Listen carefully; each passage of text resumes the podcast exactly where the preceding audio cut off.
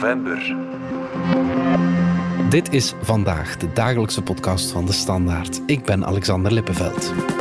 Eerst wilde hij Twitter kopen, dan probeerde hij er onderuit te geraken en uiteindelijk ging de overname toch door. Sinds vorige week is Elon Musk de nieuwe eigenaar en CEO van Twitter.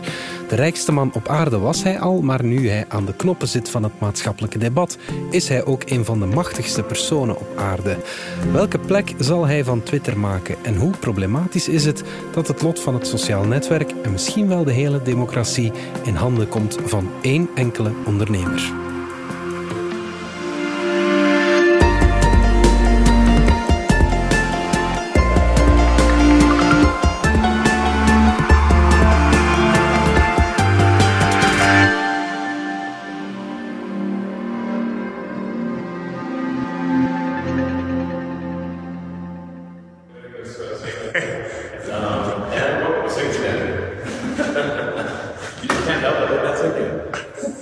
Zo kwam Elon Musk vorige week zijn nieuwe bedrijf binnengewandeld met een wastafel in de hand en een ja, flauw woordmopje. Dominique Dekmijn, technologiejournalist voor onze krant. We hebben het hier al een paar keer gehad over de plannen van Elon Musk om Twitter over te nemen. Maar vorige week was het dan eindelijk zover. Musk is de nieuwe eigenaar van het sociale mediabedrijf. Dat zullen we geweten hebben. Hè? Ja, het was opeens uh, heel druk de afgelopen dagen. Mm -hmm. Er leek heel veel te gebeuren, zal, zal, ik maar zeggen. Want eigenlijk in de feiten is er nog niet zo heel veel gebeurd. Er zijn wat proefballonnetjes opgelaten door Musk en de zijnen. Mm. Er zijn een aantal proefballonnetjes ook weer afgeschoten.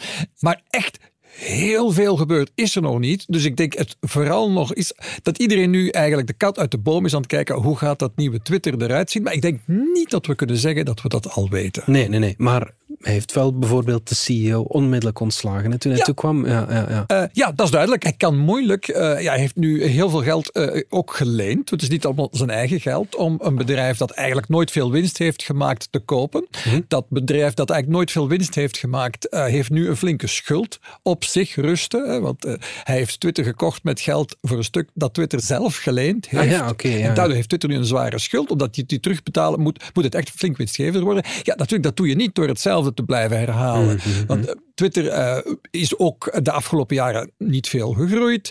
Nog qua aantal gebruikers, en, ja, zeker niet qua inkomsten. Mhm. Het was niet zo'n geweldig goed geleid bedrijf. Ja. En daarom is het ook helemaal niet zo gek dat een ondernemer met een neus voor uh, een goede business deal op een bepaald moment zegt: Ik ga me daarmee bezighouden. Ja.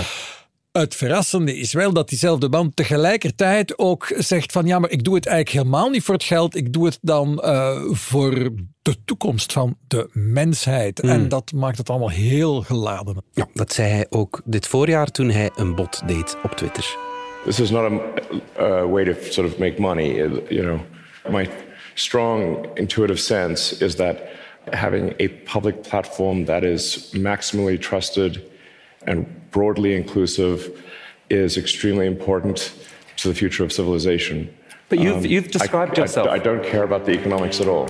Hij had uiteindelijk 44 miljard dollar over voor Twitter. Dat is een ja, waanzinnig bedrag. Het lijkt me toch veel te veel, of niet? Uh, wel, dat is maar goed dat je het bekijkt natuurlijk. Hè. Vergeleken met de beurskoers van een jaar geleden is dat... Uh, ja, eigenlijk bijna nog een koopje. Hè? Dus, die, die aan, voilà. dus normaal gezien betaal je een flink stuk meer dan de huidige beurskoers voor zo'n overname. Om een bedrijf van de beurs te kunnen halen. Want de investeerder wil graag een beetje een premie voor zo'n investering.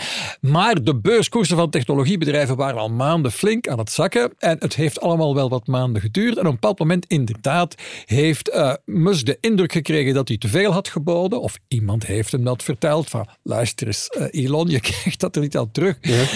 Uh, en dan heeft hij geprobeerd onder de deal uit te komen. Is dan uiteindelijk, ja, hij had nu helemaal getekend. Ja. Dus dan heeft men hem uh, eigenlijk gedwongen, Gedwongen, heeft ja, hem ja. eigenlijk gedwongen om toch te kopen aan de prijs die hij dan in april had afgesproken.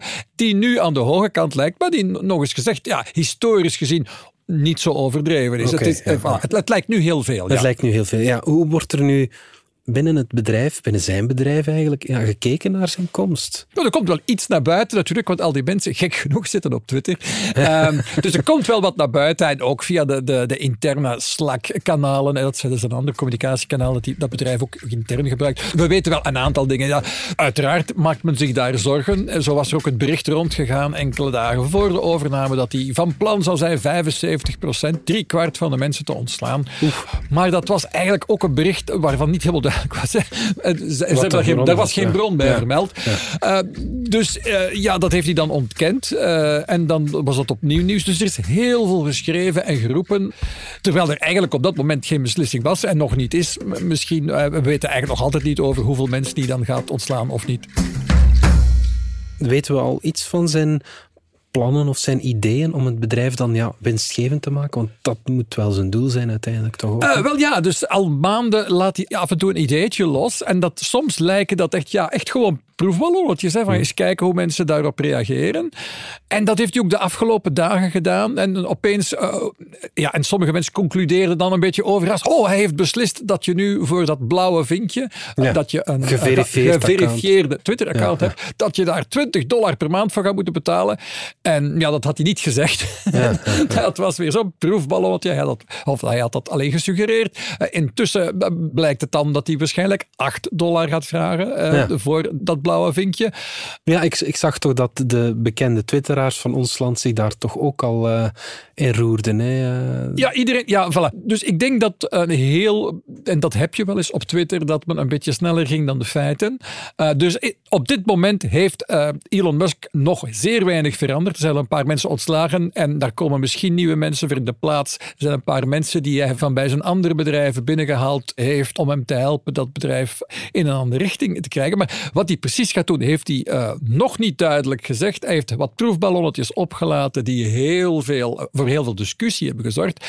Daarnaast zijn er ook een aantal mensen geweest, uh, trollen, gek genoeg, op Twitter. Uh, wie had dat oh, gedacht? Oh, die denken van, we gaan eens even kijken of wat we nu wel en niet mogen zeggen op het nieuwe Twitter van Elon Musk. En er, er, is een, een, hele grote ronde geweest van we gaan eens alle, alle scheldwoorden en verboden woorden zoveel mogelijk rondtweeten en zien wat er gebeurt. En ja, dan uiteraard waren de regels nog niet veranderd. Dus de moderatie van Twitter uh, niet van de snelste mhm. is in de wereld. Maar ja, ze kunnen er wel mee om als, als het moet. Dus die hebben het dan na een paar dagen weer de baas geworden. En dan heeft Elon Musk uh, eigenlijk gezegd, ja, maar er is nog niks veranderd hoor aan de moderatieregels. Mhm, mhm. En dat, dat klopt ook zo. Ja, ja. dus ja, er was wel een gevoel op voorhand. Hè, dus dat had hij dan wel gezegd van, eh, je gaat weer meer mogen zeggen. Maar, maar tegelijk zegt hij dan, ja, maar het moet allemaal wel legaal zijn. Ja, ja, ja. Waarmee een flinke slag om de arm houdt natuurlijk, want alleen maar hier in Europa uh, ja, zijn de grenzen over wat legaal gezegd mag worden, ja, die liggen elders dan in de VS. Dus hij heeft wel gezegd, ik zal mij aan de plaatselijke wet houden. Uh, en dan in andere landen, uh, als pakweg India, is dat weer anders. Maar dat zegt eigenlijk nog niet zo heel veel. Als hij dan al wel iets beslist heeft, of, of vrij definitief schijnt te hebben gezegd, is het van ja, wat betreft die moderatie, ja, ik ga er een comité voor aanstellen. Hè. Hmm. Typisch iets wat, uh, wat politici bij ons ook zeggen. Als ze een moeilijke knoop liever niet doorhaken, van, en daar gaan we een commissie voor oprichten. Ja. En dat is precies wat hij gaat doen. Ja. Dus wat voor een stuk volgens sommigen een manier is om een heel heikele kwestie eigenlijk uh, weg te duwen. Namelijk, gaat hij Donald, Trump. Ja, daar hebben we het over Trump natuurlijk. Ja, daar zat iedereen naar te kijken. En ja, dan weet natuurlijk iemand als Elon Musk, die zich ondertussen wel door heel wat specialisten in social media heeft laten ombrengen. Dus hij heeft zeker de afgelopen weken een stoomcursus social media gehad. Dus hij, heeft, ja, ik denk dat hij om te beginnen, toen hij aan deze oefening begon, uh, weinig meer had als zijn eigen persoonlijke ervaring als gebruiker van Twitter. En vandaar dat hij heel wat domme dingen gezegd heeft, die zeker niet zullen gebeuren. Maar ondertussen heeft hij best wel wat uh, mensen rond zich vergaart. Of dat de juiste mensen zijn, dat zal moeten blijken. En een van de dingen die ze me blijkbaar hebben aangeraden is zeggen met die hele Trump-kwestie, daar kun je niks mee winnen. Als je hem teruglaat, maak je de ene helft van de Twitteraars boos. En als je hem eraf laat, maak je de andere helft boos. Ja. Dus laat vooral iemand anders die beslissing nemen. En ja, ik, laat dat nu exact hetzelfde zijn als wat Facebook enkele jaren geleden ook had beslist. Hè. Mark Zuckerberg was op precies hetzelfde idee gekomen. Met, met die moderatie dingen kun je alleen maar vijanden maken. Met zo'n groot bedrijf moet je je iedereen te vriend houden, links en rechts. En dat kan je niet met die beslissingen, Nee, nee, behalve nee, als je ze natuurlijk afschuift op iemand anders. Ja. Dat is wat Musk is aan het doen. Dat is al vast een, een, een verstandige beslissing. En, ik, en ja, en dus identiek dezelfde beslissing die eh, Facebook, dat nu Meta heet, ook heeft genomen. En hij gaat proberen effectief, daar lijkt het wel op die beslissing eh, over Trump, aan iemand anders over te laten. Moet hij daar de verantwoordelijkheid niet voor nemen. Ja. Eh, voilà, Ja, dat is gemakkelijk. ja, dat is zeker niet onverstandig. Maar het laat ook wel zien dat het allemaal, eh, allemaal niet zo'n vaart loopt. Hè? Musk vindt de vrijheid van meningsuiting erg belangrijk. Dat zei hij dit voorjaar. Well, I think it's very important for there to be an inclusive arena for free speech. It's just really important that people have the both the uh, the reality and the perception that they are able to speak freely within the bounds of the law. Obviously, there there are some limitations on free speech uh, in in the U.S. and and of course, Twitter would have to abide by those Right. rules. Dominique, denk je dat hij van Twitter een aangenamere plek kan maken? Of net niet? Want het is wel een platform vol roepers en, en schelders en fake news. Hè? Wel, ehm, eh, zijn ervaring is niet dat hij vindt dat er te veel geroepen en geschreeuwd wordt eh, op Twitter. Want laat hij nu een van die grote roepers en schreeuwers zijn natuurlijk. Ehm, dus nee, zijn insteek is nooit geweest en is ook niet geworden van goh, ik ga proberen het op Twitter een beetje rustiger te maken. Dat het een beetje een vriendelijkere atmosfeer is voor iedereen.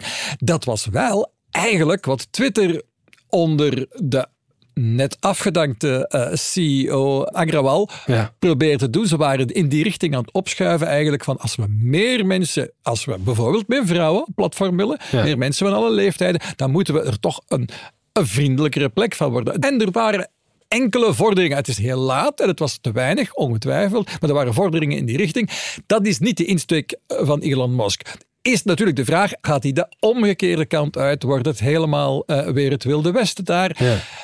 En dan weet je dat hij dat natuurlijk niet kan maken, hè, Mm-hmm. want dan gaan de mensen weg. hè. M- Mensen worden echt niet graag uitgescholden eh, op, op sociale media. Mensen vinden dat echt niet fijn. Heel, Ja, in het echte leven heel ook niet, weinig mensen, heel weinig mensen vinden dat fijn. En mensen gaan dan weg. Ja, ja. En dat weet hij natuurlijk ook. Eh, en dan gaan adverteerders ook weg. Dan hebben ze niemand meer om te bereiken. Is er geen winst meer? En dan moet hij straks de aflossing op de schuld van Twitter op, eh, uit eigen zak betalen. Ja, ja, ja. Feit blijft wel, Dominique, dat de rijkste man op aarde die als CEO is van Tesla en van SpaceX nu ook een van de machtigste mensen op de planeet wordt. Hoe gezond is het dat het lot van Twitter in de handen van één man komt te liggen? Wel, ten eerste denk ik niet dat het echt zo is dat hij dat, hij dat nu alleen voor te zeggen heeft. Want Ja. ik denk, in de, het is een commercieel bedrijf eh, en eh, hij heeft er stuk van zijn geld Maar hij is wel de, de, dus- de eigenaar en de CEO, dus ja, bon, zijn macht is heel groot. Ja, ja, ja, hij zou kunnen doen wat hij wil, maar natuurlijk, eh, de mensen moeten nog volgen. En ik denk, mensen hebben natuurlijk de afgelopen dagen al rap getoeterd dat ze, ze weg zijn van Twitter. We gaan allemaal naar ergens anders. De naam Mastodon is de laatste tijd weer heel veel gevallen. Dat gebeurt wel vaker. En daar zeggen, je "We allemaal naar een toet en geen En waar tweet. je een toet stuurt en geen tweet. Eh, eh, wat natuurlijk een beetje. Ja, maar het is nooit uitgesloten. Hè. Als Twitter niet meer biedt wat de mensen willen, eh, dan gaan ze het ergens anders zoeken. Maar Ja. dan moeten ze natuurlijk wel met z'n allen daar gaan doen. Want eh, die paar tienduizenden mensen die dan eh, luid geroepen hebben van wij gaan allemaal naar Mastodon. Als ze nu nog niet terug zijn op Twitter, dan is het volgende week. Hè, dat weten we. Dat, dat gebeurt wel vaker. Mensen kondigen dat wel graag aan. Doen dat niet zo snel. Dus ze hangen wel vast aan dat platform. En, en dat inderdaad, dat geeft Elon Musk tot op zekere hoogte een beetje macht over wat uiteindelijk een belangrijk, maar geen groot sociaal medium is. Je mag, nog- je mag het nog altijd niet vergelijken met een Facebook, waar toch tienmaal meer mensen zitten. Dat is toch een heel andere schaal. Eh, ik denk persoonlijk dat de economische factoren speelt toch echt wel een rol hoor. Ik bedoel, als, hij, als hij nu van plan was van ik, ik ga daar nu een forum van maken en ehm, om mijn eigen bedrijf vooruit te helpen. En bijvoorbeeld vriendelijk te zijn voor China, want daar heb ik fabrieken staan en die moeten kunnen blijven draaien. Eh, vriendelijk zijn voor Rusland om andere economische motieven. Eh, maar vooral lekker veel hakken op de progressieven eh, in Amerika, want die irriteren mij wat. Eh, Dat is niet uitgesloten. En inderdaad, en dat zou zorgwekkend kunnen zijn, maar dan. Effectief zijn die andere netwerken als Mastodon ja, ja, maar een klikje, een klikje verwijderd. Maar je kan toch niet ontkennen dat hij aan de knoppen zit van de plaats waar het debat gevoerd wordt. Hè. Ja, en effectief, dat is, eh, dat is iets waar heel veel mensen zich nu zorgen over maken. Ja. Maar waarvan ik dan zeg van eh, de soep wordt nog niet zo heet gegeten eh, als die wordt opgediend. Uh, uiteindelijk is natuurlijk Mark Zuckerberg er zit al verschil natuurlijk. Hè. Elon Musk is miljardair geworden met iets anders en heeft dan Twitter gekocht. Uh, Mark Zuckerberg is miljardair geworden uh, en is het uh, nu nog net, maar een beetje minder ruim Ja, ja, ja. dan enkele maanden geleden is het geworden met Meta, met Facebook. En dan heb je een heleboel kranten die, die, allemaal eigendom en, en televisiezenders die eigendom zijn van iemand die Rupert Murdoch heet en die ook een uitgesproken politieke opinie heeft. Dus een helemaal nieuw fenomeen van een rijke man die een medium bezit. Helemaal nieuw is dat ook niet. Het is anders omdat het nu net Twitter is. En Twitter voelt voor heel mensen als iets heel persoonlijk, Ja. uh, als iets heel belangrijk. Maar misschien de mensen die te veel tijd op uh, Twitter spenderen, zoals daar zijn journalisten, uh, overdrijven misschien soms ook wel het belang ervan. We gaan er even uit voor reclame.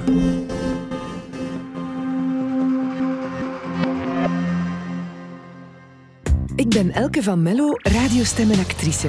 Hoewel ik in mijn job altijd mijn hart volg, moet ik als zelfstandige soms ook rationele keuzes maken. Dus rij ik met een plug-in hybride van Mercedes-Benz. Ik verbruik minder, rij vaak volledig elektrisch en fiscaal is het gewoon mijn beste optie. Dus slim gekozen, maar toch ook met het hart. Nieuwe bedrijfswagen? Bij Mercedes-Benz Heden Automotive maken we net als voor elke ook voor u graag een berekening op maat. Meer info op hedenautomotive.be.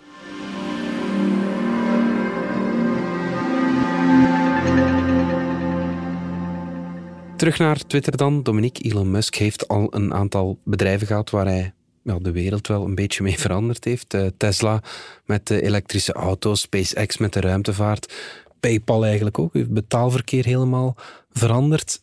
Kan en dat... dan hebben we het nog niet over Neuralink ja, en de Boring allemaal... Company. Ja, ja, ja, ja. Kan hij dat nu opnieuw doen met Twitter?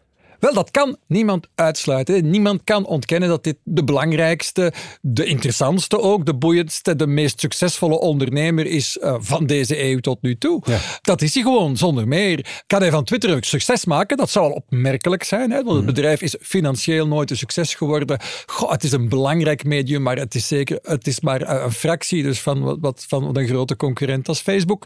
Uh, kan hij daar een succes van maken? Het is zeker niet uitgesloten als hij dat probeert. Van Musk weten we ook dat hij vaak een beetje verstrooid rondloopt. Soms is wat rare dingen zegt. En dan, dan vraag je je af van, krijgen we nu de uh, Elon Musk, de briljante zakenman, de doordrijver, hè, die dan de, de hoofden tegen elkaar bonkt van zijn mensen en, om, om iets gedaan te krijgen dat een andere manager gewoon niet zou durven, gewoon er niet door zou krijgen. Dat kan wel, maar dan vraag je je natuurlijk af van, weet hij wel welke, welke richting hij uit wil. En daar zijn, ja, dat zijn zorgwekkende dingen toch. Hè. Dat tweetje, dat, hij dan, uh, dat, dat is dan snel gedelete in de voorbije dagen. Hè. Maar hij had dan een, een vals verhaal over de echtgenoot van Nancy Pelosi, dus die, die aangevallen is in huis. Uh, had hij dan een vals verhaal op Twitter rondgestuurd okay. aan zijn hè, tientallen miljoenen volgers, 80 miljoen volgers of zo zijn, dat konden dat dan zien. Een vals en eigenlijk homofoob verhaal. Hmm. Uh, men heeft hem dan blijkbaar snel overtuigd om dat terug weg te halen. Maar ja, bon, als hij zelf zegt van ik wil geen censuur uh, op Twitter en je moet alles kunnen zeggen en dan tweet hij dat soort dingen. Dat is een zorgwekkend signaal. Ja. Dus ik denk dat heel veel mensen zich zorgen maken dat hij, of hij hier wel in de juiste richting aan het bouwen is met Twitter. Maar nee, aan de andere kant zegt hij ook heel verstandige dingen en effectief um, de bots op Twitter, om maar iets te zeggen, geautomatiseerde accounts die nare verhalen kunnen verspreiden, zijn wel degelijk een probleem dat was het probleem dat hem nu de ogen uitstak. Mhm. Ja, ik zou denken dat hij dat wel opgelost krijgt. Uiteindelijk, als hij puur naar de economische kant kijkt en probeert te zorgen dat hij, dat hij zijn broek niet scheurt Mhm. aan die hele overname, ja, dan moet hij zorgen dat het bedrijf uh, winst maakt. En dat doe je door de mensen gelukkig te maken. Ja, ja, ja. Ik denk dat er sowieso op Twitter minder zal veranderen dan mensen nu denken. Hè. Er is dus heel veel drukte rond. Maar ik denk uiteindelijk uh, kan je met een sociaal uh, netwerk niet zoveel heel veel verschillende richtingen uit. Hij heeft tot hiertoe alle proefballonnetjes die zijn opgelaten, komen allemaal uit een vrij vertrouwde sfeer. Hè, van we gaan, we gaan de intensieve gebruikers wat laten betalen. Hmm. Uh, een abonnementsgeld, dat werkt Hebben goed. we allemaal wel al gehoord. Dat allemaal hè, al eens elders gehoord. Uh, we gaan het, de, de, grote beslissingen over moderatie aan een comité uitbesteden. zodat we er onze vingers niet aan verbranden. Het klinkt allemaal redelijk vertrouwd. Dus ik heb niet de indruk dat daar de revolutie op komst is.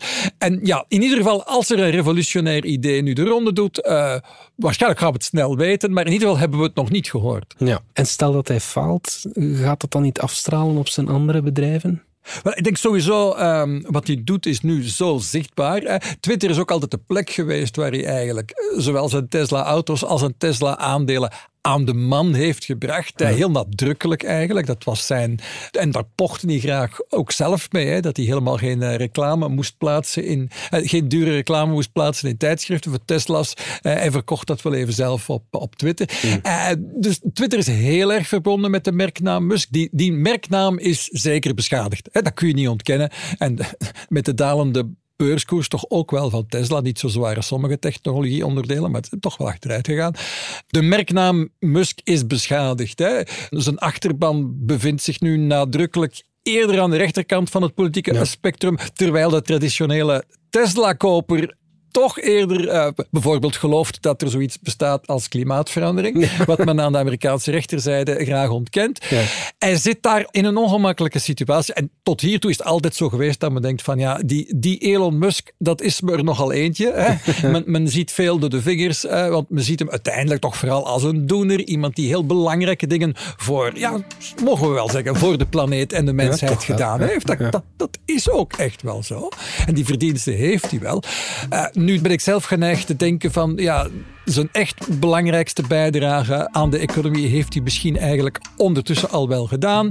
Met het, het, oprichten van SpaceX of, of, Tesla gaat hij nu met Twitter gelijkaardig uh, succes boeken. Dat lijkt me op dit moment heel onwaarschijnlijk, maar je weet maar nooit. Is het het einde van de rit voor Musk? Dat uh, geloof ik absoluut niet. Hmm. Uh, maar misschien hebben we wel ondertussen de interessantste periode was zijn carrière gezien, waarin hij fantastische bedrijven heeft opgebouwd. Ja. En misschien gaat hij nu zijn tijd verliezen eh, met dit soort nevenprojecten, waar hij uiteindelijk niet zo heel. Eigenlijk heeft hij daar niks mee te winnen. Nee. En hij zal er ook waarschijnlijk niet heel veel mee winnen. Kijk, zo is Elon Musk al aan het uitbollen zelfs. Dominique Dekmijn, dankjewel. Graag gedaan. Blijf nog even hangen voor je naar iets anders luistert, want we lanceren vandaag een bijzondere nieuwe podcastreeks.